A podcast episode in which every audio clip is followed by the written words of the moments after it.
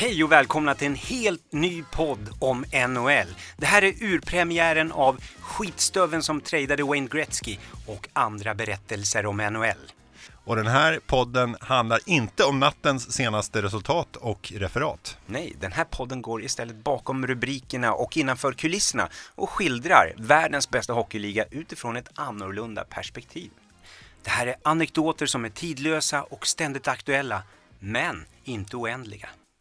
Nej, för vi kommer att hålla på i en period som är 20 minuter, eller det är i alla fall grundförutsättningen. Men eh, ibland kan det bli extra spännande, eller hur Magnus? Ja, är det dramatiskt så blir det ju overtime. Och overtime, det vet man ju aldrig när det tar slut. Ja, men precis, det vet ju alla som har följt en eh, spännande match i Stanley Cup-slutspelet att det, det, det kan vara oändligt. Och i urpremiären så ska vi behandla ett av de mest klassiska lagen ett Original Six Toronto Maple Leafs. Så här kan jag redan nu säga det finns en stor chans att det blir overtime. Precis. Men innan vi börjar ska vi också presentera oss själva lite kort. Eh, du kan väl börja? CM. Jag heter Carl Magnus Hellsten, kallas också för CM. Journalist i grunden, började min karriär på Gävle Dagblad där jag bevakade NHL med den hetaste listan, Hellstens hetaste, som listade de tio hetaste sakerna från NHL-veckan. Jon Andersson heter jag, författare till boken med samma namn som den här podden, Skitstöven som tradade Wayne Gretzky och andra berättelser om NHL, där jag precis som i podden eh, går lite bakom rubrikerna på NHL och, och, berättar historier som sällan syns på sportsidorna. Sen ska vi också säga att eh, vi har ytterligare en medlem i det här gänget, Kristoffer Sjöborg. Han eh, kommer fungera som exekutiv producent här i de första avsnitten men eh, kommer vara med sen framöver. Men som du sa, vi ska börja med Toronto Maple Leafs, ett av de lag som spelar i Stockholm i Global Series. Om ni lyssnar på den efteråt så har de redan spelat. Det går lika bra att lyssna då därför att det här kommer inte handla så jättemycket om just den här säsongen utan mer om Toronto, Toronto Maple Leafs i, i stort. Och jag vill att vi börjar med att sluta, slut ögonen, eh, Carl-Magnus, ordentligt. Sådär ja. Och så vill jag att du nu att vi färdas långt bort, långt bak i tiden, över 50 år tillbaka i tiden. Tänk dig att eh, The Beatles, de har just eh, gjort färdigt det kanske mest ikoniska rockalbumet någonsin. Det kommer släppas om några veckor. Sgt. Pepper Lonely Hearts Club Band.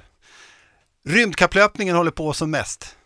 Eh, Ryssland, eller inte ens Ryssland, utan Sovjetunionen och USA kämpar om vem som ska hamna först på månen. I Sverige är Tage Erlander statsminister. Vi har vänstertrafik. Ja, det är alltså en helt annan värld kan man säga. Och det är också se senaste gången som Toronto, Toronto Maple Leafs vann Stanley Cup. Närmare bestämt den 2 maj 1967. Alltså med din beskrivning där av alla de här händelserna så förstår man ju den frustrationen som fansen i Toronto känner.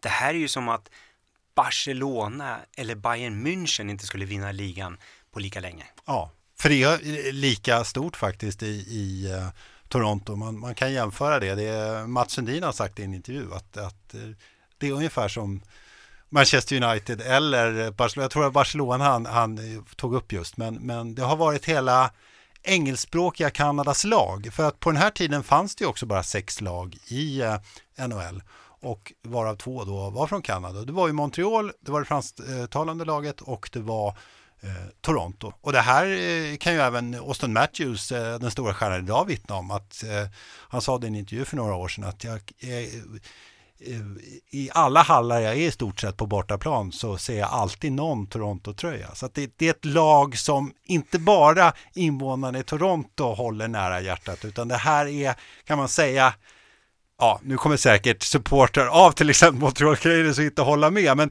men jag tror att det är, det är ett lag som eh, sträcker sig långt utanför Toronto, ungefär som ett Manchester United eller ett Barcelona. Nej men så är det ju. Alltså ibland när Toronto spelar borta då kan du ju se, faktiskt se fler Toronto-tröjor än hemmalagets tröjor på läktarna. Stämmer. Men låt oss eh, gå tillbaka till, till eh, 1967 då och det är alltså den 2 maj eh, som man bärgar sin senaste av de totalt 13 Stanley Cup-titlarna efter att ha slagit ut Montreal Canadiens i finalen och det här, just under den här tiden så var Toronto väldigt bra. Man hade vunnit eh, tre Stanley Cup på raken mellan 1962 och 1964. Mycket eh, tack vare deras eh, egensinnige coach George Punch Imlash. Vilket namn! Eller hur? Va? Han var inte så gillad av spelarna, men fansen älskade honom förstås eftersom han hade bärgat så många, eh, så många Stanley Cup-titlar till dem. Eh, men han var väldigt egensinnig. Han eh, behandlade spelarna ganska så illa kan man säga. Hur, hur, på vilket sätt? Nej men eh, bland annat så hotade han med att skicka ner spelare till farmarligan och vägrade att förhandla om kontrakt innan starten på träningslägret eftersom han ansåg att spelarna jobbade bättre om de inte kände sig riktigt säkra på sina jobb. Extra elak var han mot eh, Frank the Big M Maholic som eh, eh, var en av de stora stjärnorna i Toronto. Men han hade lämnat ett, kontrakt, ett eh, träningsläger på, på grund av ett kontraktsbråk 1962 och det där förlät Imlers honom för aldrig. Han förlöjligade honom inför reportrar och eh, han tvingade honom till och med att träna även efter att en skridsko hade skurit igenom hans bröstkorg. Det är ju, alltså det är helt galet. Ja. Säg, säg det där igen. Uh, han tvingade honom att träna även efter att en skridsko hade skurit igenom hans bröstkorg. Och då kan man ju tänka så här. Vad är det för människa? Mike Babcock uh, är ju ingenting jämfört Nej. med den här eh, tränaren. Så att det var, det var väldigt hårda metoder, men jag tror han fick hålla på, eh, dels för att... Eh, laget vann? Eh, ja, framförallt för att laget vann, men det var en annan tidsanda också. Han skrämde spelarna till seger. Precis, men jag vet att Börje Salming, han kom nämligen tillbaka sen och, och tränade Toronto igen på 70-talet och, och eh, tradade iväg massa spelare och Börje Salming eh, skriver i, berättar i sin bok om det här och det, det, det är ingen positiv bild. Men, men vad man än vill säga om honom så är han den coach som senast såg till att Toronto faktiskt vann Stanley Cup. Han lyckades med något som en annan coach i Toronto inte har gjort sedan dess. Precis. Hur, en... hur är det ens möjligt? Hur kan man med Torontos enorma passion i staden, resurserna, allting finns där förutom segrarna. Varför, varför går inte Toronto när det går i Montreal? En lika eh, hockeytokstad. Vad säger ja. du Jonte? Ja, men det, det går inte. Kanske just, just Montreal, det, kan, det är en uh, intressant fråga. Jag har inget tydligt svar på det. Mer än att pressen kanske ännu är, är ännu lite högre i, i Toronto. Det är i alla fall vad, vad en del säger. Brian Burke som har varit uh, general manager för ett antal NHL-klubbar, bland annat Toronto Maple Leafs, han säger ju det att det är inget snack. Toronto, Montreal är absolut klart tvåa, men Toronto är absolut största. Och det hör man ju också från spelare som har spelat där, att det, den press som finns i Toronto, den eh, finns inte på något annat sätt. Jag har bland annat intervjuat Anton Strålman som spelade i, i Toronto under ett antal år och han sa ju att eh, han var ju ny då. Han var ingen, inte en av de större spelarna, men, men även han kändes ju igen och man kunde liksom aldrig undvika det. På, på radion så var det jämt rapporter om hur om de hade spelat dåligt och sådär. Så att det var Börje Salming eh, har ju många historier om det där också. Bland annat en när han var på väg eh, hem från en, eh, jag tror det var en träning. Eh, laget var i Stanley Cup-slutspel och det var, de satt i en bilkö och eh, helt plötsligt så är det en, en man som känner igen honom i en bil eh, en bit bort då, och går fram till Börje och ber om, och ber om en autograf och eh, ingen eh, blir förbannad utan alla bara vinkar och är glada. Så det där visar lite hur, hur, eh, hur stort, eh, stor hockeyn är i, i Toronto. Men innan vi pratar mer om liksom framtid och så, så vill jag bara återkomma lite till den här Imlers, för att han, är, han var väldigt speciell. Man, man, skulle också kunna säga så här, kanske borde dagens tränare vara lite mer skrockfulla. Mm. Kan det vara så? Att hans, Vad tänker du på, eh, där, framförallt? Ja, nej men han, eh, han hade ju flera saker för sig eh, när det handlade just om, om vidskeplighet. Bland annat så ansåg han ju då att torsdagar betydde otur. Eller inte allmänt, men just i det här slutspelet 1967. Därför att eh, Toronto hade förlorat, de hade alla matcher då i slutspelet som hade förlorat, hade de förlorat på just torsdagar. Och mm. därför var det så viktigt att de vann match 6 mot Montreal För vet du när match sju skulle En spelas? torsdag kanske. Precis. Här borde vi faktiskt göra lite grävjobb som gamla journalister och kolla hur många torsdagar Toronto Maple Leafs har förlorat i Stanley Cup-historien sedan 67. Efter det, ja men det är sant, det borde vi göra. Men jag kan i alla fall säga att i, i 1967 då, då förlorade man två matcher mot Chicago i semifinalen och två matcher mot Montreal i finalen på torsdagar. Dagar kanske? Ja, men precis. Och hade, då match, hade det blivit en match 7, då hade det varit på en torsdag. Som tur var så vann man match 6, så det blev aldrig en torsdag. En annan sak som man också hade för sig, det var att han, han då eh, hade fått för sig att nummer 1 och, eh, nej förlåt, nummer 7 och 11 förde tur med sig. Och det här betydde bland annat att eh, innan matcherna så skulle han och tränaren Bob, Haggert alltid vara de sista att lämna omklädningsrummet. Och sen var Imlars då tvungen att röra vid klubban som, som tillhörde nummer sju, eh, som vid den här tiden var försvararen Tim Horton, och klubban som tillhörde den spelare som hade nummer 11 just då. Det är en väldigt jobbig pregame-procedur. Och bara komma ihåg alla de här grejerna. Vad är det jag ska göra först? Precis, men det var ändå ingenting mot en annan jobbig procedur, framförallt för, för hans kollegor. Och det gick ut på att eh, Imlars, eh, när de behövde extra tur, då räckte det inte bara med att, röra de här klubborna. Nej, vad skulle jag göra då? Ja, då skulle de gå, insisterade Imlars på att de skulle gå på en bioföreställning och där krävde han att man skulle sitta 11 rader ner och sju platser in.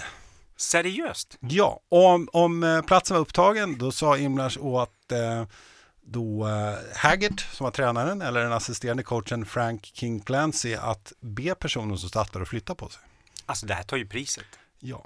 Och ibland Men- så blev det ju handgemäng. Folk blev ju arga och ville inte flytta sig. Och om de vägrade flytta sig, då gick han till en annan biograf. Men det kanske är just det här som krävs för att Maple Leafs ska kunna vinna igen. Det är lite det jag tänker. Så jag tänker så här, Sheldon Keefe, lyssna på det här. Det är kanske det här du borde göra för att eh, ni ska vinna.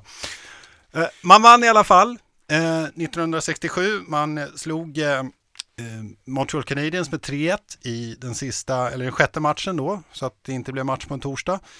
Och det var Ron Ellis, Jim Pappin och George Armstrong som gjorde målen i den här 3-1-segern. Eh, och man kan väl säga då 1967 års upplaga, det är kanske inte så många som kommer ihåg det, jag ska säga, jag kommer inte ihåg det heller, men eh, några av de stora spelarna, det var bland annat lagkaptenen George Armstrong, det var eh, slutspelets skyttekung Jim Pappin, backveteranen Tim Horton och då vänsterytten Frank the Big M Maholic som ju då hade hånats av eh, Imlers, men han var väldigt duktig hockeyspelare. Och efter 67 och triumfen för Toronto, då händer det något. Eller ja, hur? Ja, det stämmer. Eh, och det är det som ger lite extra lustigt och som jag tror också de som inte eh, gillar Toronto eller som gillar håna och Toronto kan säga också att det var bara sex lag i ligan 1967. Men till säsongen efter så utökar man ligan med 12 lag.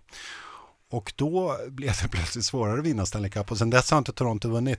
Jag ska inte säga att det beror på att de utökade, men, men, men det var också så att det kom nya lag och man blev av med en hel del spelare.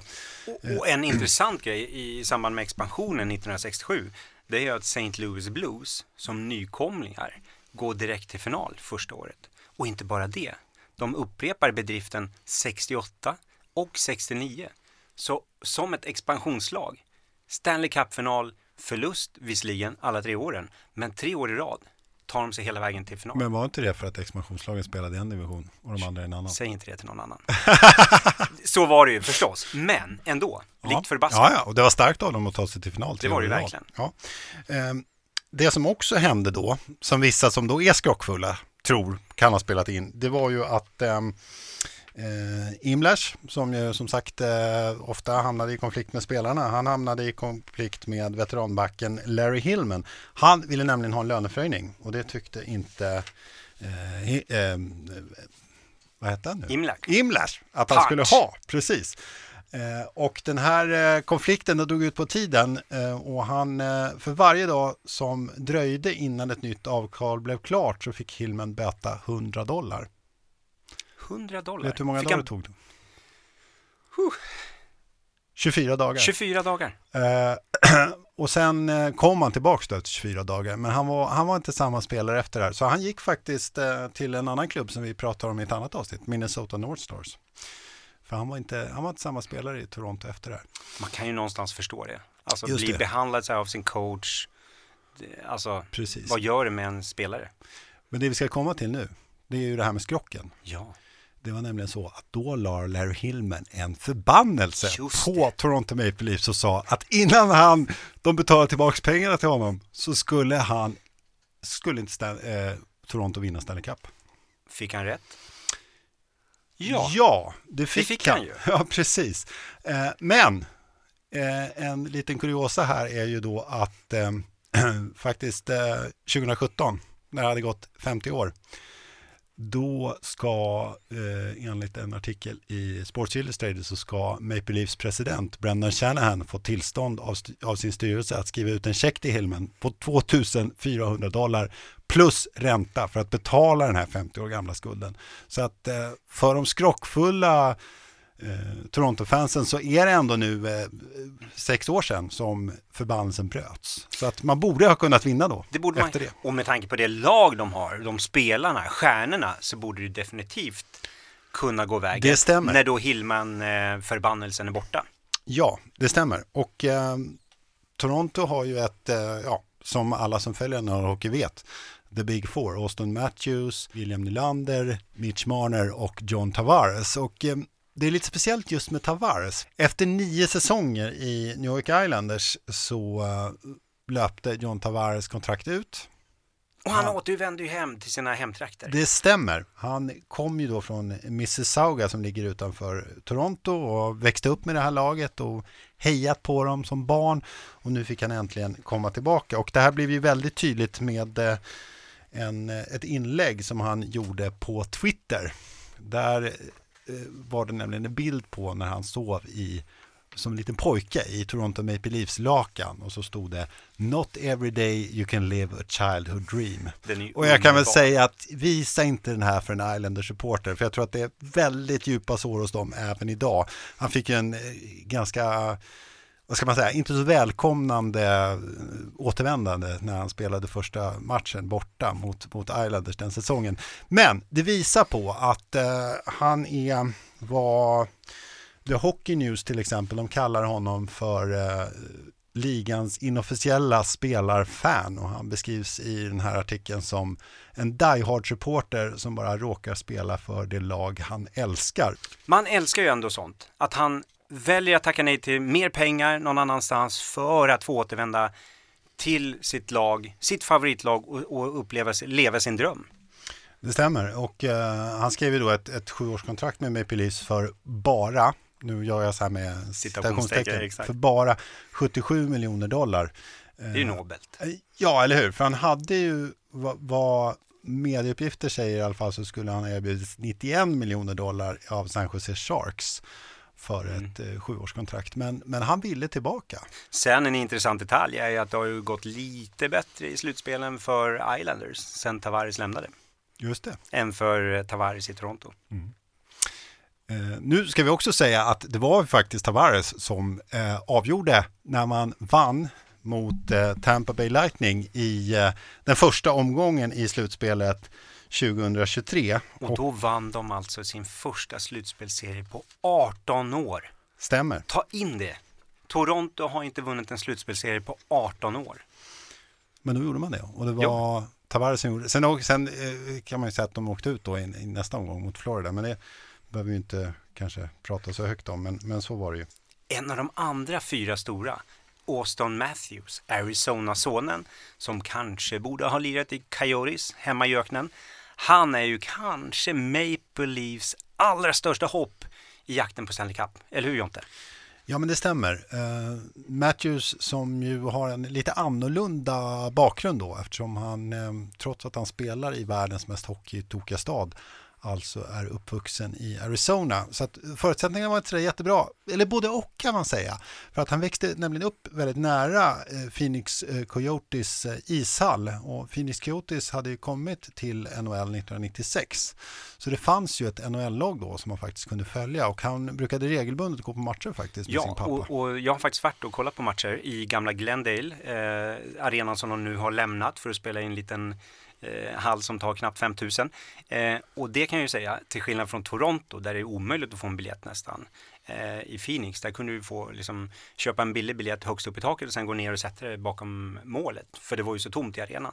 Häftigt. Ja. Hur var, det, hur var det att titta på, på, på hockey i? Ja, Okej, okay. jag måste ju säga det är ganska nice. Du kunde vara ute och lira golf på förmiddagen, åka till arenan i shorts och en t-shirt, gå in och kolla på en eh, NHL-match och sen komma ut och det är 25 grader varmt.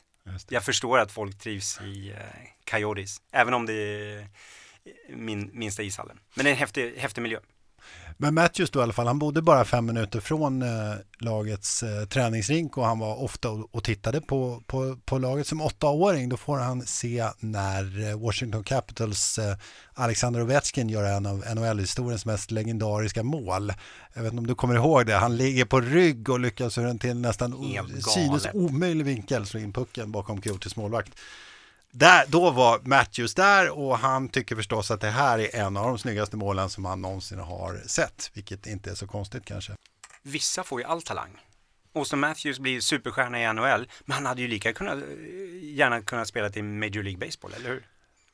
Ja, i alla fall om man ska tro hur, hur duktig han var när han var ung. Uh, han uh, var en stor talang i baseball, men det var tidigt så att, att han föredrog hockeyn. Det fanns eh, bland annat en historia om att han vid ett tillfälle dök upp mitt i en baseballmatch, slog två homeruns, vann matchen åt sitt lag bara för att snabbt ge sig tillbaka till hockeyrinken. Det var en hockeyturnering där och hans eh, coach var lite förbluffad för han ville att han skulle vara med. Det var någon mer match som skulle spela om jag förstått det rätt. Men, men eh, det var hockeyn som gällde för, för, för Austin så han eh, begav sig tillbaka till drinken. Och det här betalade sig också. Han, eh, eh I augusti 2014 så kan man läsa en artikel på nhl.com där rubriken proklamerar följande budskap. Arizona Kid making noise at US Junior Camp. Och han beskrivs också i artikeln som lika bra, om inte bättre, än spelare som växte upp i mer traditionella hockeyklimat. Och det gör också... Precis, för han har ju sina rötter eh, utanför USA. Eller hur? Eh, ja, men precis. Hans mamma är ju från Mexiko. Hans pappa är amerikan. Mm. Men eh, ja. Hispanic. Ja, men um, precis. Hero. Men jag tror också det, det, det de menar med traditionellt hockeyklimat är väl att Arizona är ja. inte så traditionellt. Nej, så, så är det definitivt. Även om eh, Coyotes har funnits där ett tag. Ja men, precis, ja, men precis. Han fortsätter att göra succé och två år senare så väljs han som nummer ett av Toronto Maple Leafs i 2016 eh, års draft. Och det går ju ganska bra direkt som rookie. Ja, men det stämmer. Eh, redan i den första matchen eh, när han skriver ut på isen i Canadian Tire Center så, ja vi ska väl säga det först, i Ottawa då, då är ju förväntningarna ganska stora på den här killen. Ska han göra mål här? Ska han visa vad, vad han går för nu direkt? Och, eh, mamma Emma och pappa Brian de har tagit sig nästan 400 mil från Arizona till eh, Ottawa för att se den här NHL-debuten. Han gör ett mål ganska tidigt och eh, folk är förstås nöjda. Han gör till. Han gör ett till.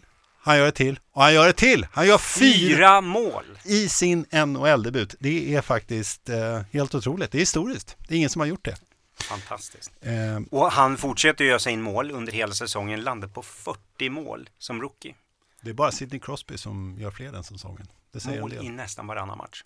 Precis. Sen fortsätter ju Matthews att, att producera och att göra mål och eh, hans hittills eh, bästa säsong är ju säsongen 2021 till 22 då han vinner Hart Trophy och gör 60 mål.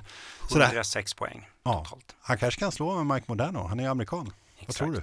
Ja, han kommer ju lira länge. Så eh, Mike Moderno får nog hålla utkik. Ja, Matthews är ju en enorm hockeytalang och han har ju tre framförallt väldigt duktiga spelare med sig i det här laget, alltså då John Tavares, William Nylander och Mitch Marner. Men de har ändå inte lyckats eh, vinna. Men eh, det går tydligen att vinna i, i Toronto, eller hur Mange? Ja, det är det det gör. Och till och med inom koncernen. För Toronto Maple Leafs ägs ju av Maple Leaf Sports and Entertainment, MLSE. Och de äger också Toronto Raptors, som ju faktiskt har vunnit NBA-mästerskapet. I den här koncernen så finns även MLS-laget, alltså fotbollssocker, alltså europeisk fotbollslaget, Toronto FC, som också har vunnit ligan. Och här i koncernen finns också American football-laget Argonauts, som också har vunnit titlar. Så Toronto, det går faktiskt att vinna i Toronto.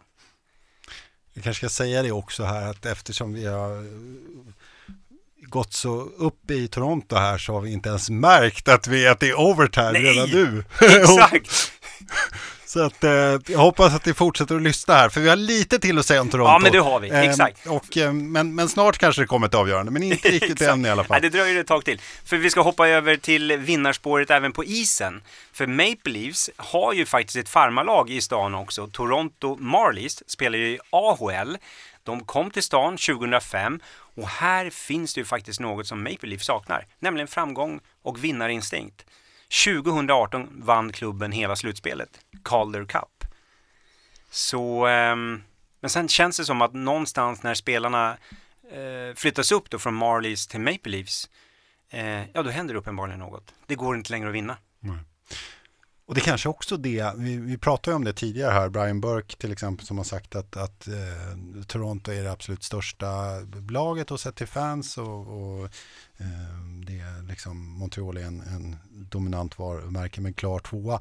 Ett skäl till det här kan ju faktiskt ha att göra med också att man inte just har vunnit på så länge.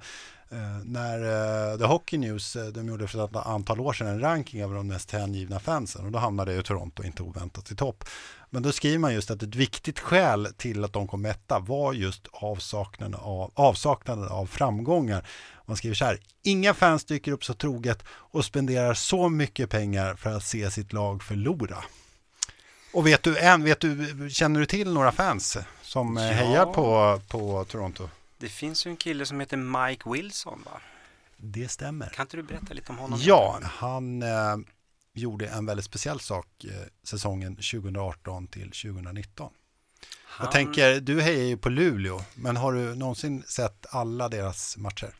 Nej, eh, ja kanske på tv en Ah, okej, men- men, men- men- det här är helt otrolig bedrift. Det han gör den säsongen förtjänar ju ett, en Stanley Cup-titel. Ja, han åker nämligen runt, han bestämmer sig, vad ska jag säga så här, Han tror har han, resurser Han, har resurser. han har resurser och tid. Han har ändå ganska mycket pengar. Men han bestämmer, och en förstående fru också då, verkar det vara. Det blev ingen skilsmässa. Nej, tydligen inte. För lyssna på det här. Lyssna på vad han gör Han bestämmer sig för att han ska se alla Toronto Maple Leafs matcher i NHL. Alltså, inte på tv, inte utan på, TV. plats. På plats. Han ska åka runt i hela USA och Kanada, se alla 82 matcher på plats. Och det gör han också. Från vinsten mot Montreal Canadiens i premiären till förlusten i Tidigarden mot Boston Bruins i den första omgången i Stanley Cup-slutspelet i april 2019. Så är han där. Han blir bjuden på öl, han är på eh, ser showen i Vegas med alla dansare och den häftiga inramningen där. Han får följa med till eh, eh, Long Island eller till New York Islanders hemmaarena och se det som händer där med hatet mot Tavares. Han reser runt och ser alla eh, matcher. Snacka om supporter. Jag har en fråga. Får han resa med laget i deras chartrade plan? Eller måste han liksom re- resa reguljärt? Den, den, eh, det tror jag inte att han får. Eh, Jag, jag, har, jag, jag kan faktiskt inte riktigt det. Men, men, det kan man ju tycka att Toronto ja, Maple Leafs borde... Ja, men, Mike, vi har en plats kvar eh, över i planet. Ja, men precis. Välkommen. Ja, men, ja, men det hade han nog, det, jag håller med. Det, borde han ju fått. Det borde han fått. Men, men som jag har förstått det så reste han runt själv. Och jag tror också, bland annat berättar han ju om att han lämnar den här matchen mot, precis i slutet då, när, när det är klart att eh, Toronto kommer att åka ut mot Boston. Så liksom går han ner mot bilen och börjar sin långa färd hem mot Toronto. Han berättar också att det var väldigt många möten många bra möten, men, men framförallt en väldigt, ett väldigt speciellt möte och det var då i, i samband med faktiskt premiärmatchen mot Montreal Canadiens då han träffar en man som för första gången är och tittar på en Toronto Maple Leafs match live. Han har sett de här matcherna med sin pappa under ja, hela sin livstid egentligen och eh, om eh, de av någon anledning inte, inte kunde se en match ihop då, då eh, ringer alltid pappan upp på morgonen och frågar hur blev resultatet. Eh, och det här var liksom en grej mellan dem. Eh, och eh, Mike Wilson sätter sig ner och pratar med den här killen. Och den här pappan har då precis gått bort. Och ja, det sa jag va? Mm. Ja. Och han befinner sig på sin första match och berättar om pappans ord på dödsbädden till sin son. Vet du vad de var? Berätta. hur blev resultatet? Och då säger um, Mike Wilson att ja, jag hade svårt att hindra mig själv från att gråta själv där. Samtidigt som man, för samtidigt som man berättar det här så rinner tårarna ner för, för kinderna på honom. Alltså det är sådana här stories, eh, berättelser som man älskar med sporten. Det är ju mm. sånt här som passionen för att följa ett lag mm. eh, framkallar och förenar Precis. människor. Det som är så fascinerande med NHL är att de utökar ligan lite då och då för att bereda plats för nya sådana här fantastiska berättelser. Och det är ju så Jonte, varje gång man ska expandera, ta in fler lag, ja men då kommer ju diskussionen, borde inte Toronto med sitt enorma intresse få ytterligare ett, ett lag i stan, eller hur? Ja, med tanke på eh, befolkningen och allt sådär så är det väl inte jättekonstigt. Jag bara titta på Stockholm har ju tre allsvenska lag i fotboll till exempel. För att ta ett exempel. Och det bor alltså sex miljoner människor i Greater Toronto Area. Alla vill se Maple Leafs spela. Arenan har bara plats för 19 800 av dem. 85 procent är, eh, av åskådarna är säsongskortsinnehavare. Det finns en kölista som sägs vara eh, ha 4 000 i kö. Eh, ställer du dig i kö nu så tar det sannolikt 20 år innan du får ett säsongskort. Så visst finns det intresse för ytterligare ett lag. Men jag vet varför Toronto aldrig, alltså Toronto Maple Leafs mm. aldrig kommer att acceptera ett lag till. Jo, men tänk dig det här scenariot. Toronto Maple Leafs kommer knappt till slutspel, vinner inte ens en slutspelserie. Tänk dig då att Maple Leafs får en lillebror i stan som gör en Vegas Golden Knights och vinner Stanley Cup inom sex år. Tänk om lillebror i Toronto snuvar Maple Leafs på Stanley Cup-titeln. Det skulle aldrig Toronto Maple Leafs acceptera. Så därför kommer det bara bli ett lag i Toronto. Det var säkert rätt. Men du, Toronto är ju så synonymt med Börje Salming. Det finns ju mängder med anekdoter om Börje. Precis, men det finns en som jag tycker är, jag vet att vi har gått eh, på övertid nu här och ni kanske redan är hemma från bussresan, men jag hoppas ni fortsätter lyssna. Det är double overtime! Ja, det är double overtime! Men det här är, är, är väl den sista anekdoten men så just, eh, det finns som du säger, det finns väldigt många bra anekdoter om Börje Salming, men frågan är om inte det här är den bästa när det gäller just att visa vilket intresse vad, och vad Toronto-fansen är beredda att, göra. Det handlar om Eh, 1978 och Börje Salming hade fått en klubba i ögat i en match mot New York Islanders och han hade hamnat på sjukhus i en vecka. Sjukhuset växel blev nedringd av fans och, och de fick till slut till och med sätta en vakt utanför Salmings rum. Men det var inte liksom det värsta. Det var att eh, folk hörde till och med av sig och ville donera ett öga. Ja, det säger någonting om hur eh, Torontoborna ser på sitt Maple Leafs. Och med de orden ska vi också avsluta det här avsnittet, men innan vi gör det bara så vill jag bara fråga dig. Vinner Toronto Maple Leafs Stanley Cup innan 2067, alltså innan det har gått 100 år sedan senaste vinsten? Det är klart de inte gör. Ty, vad tror du? Jag säger ja då.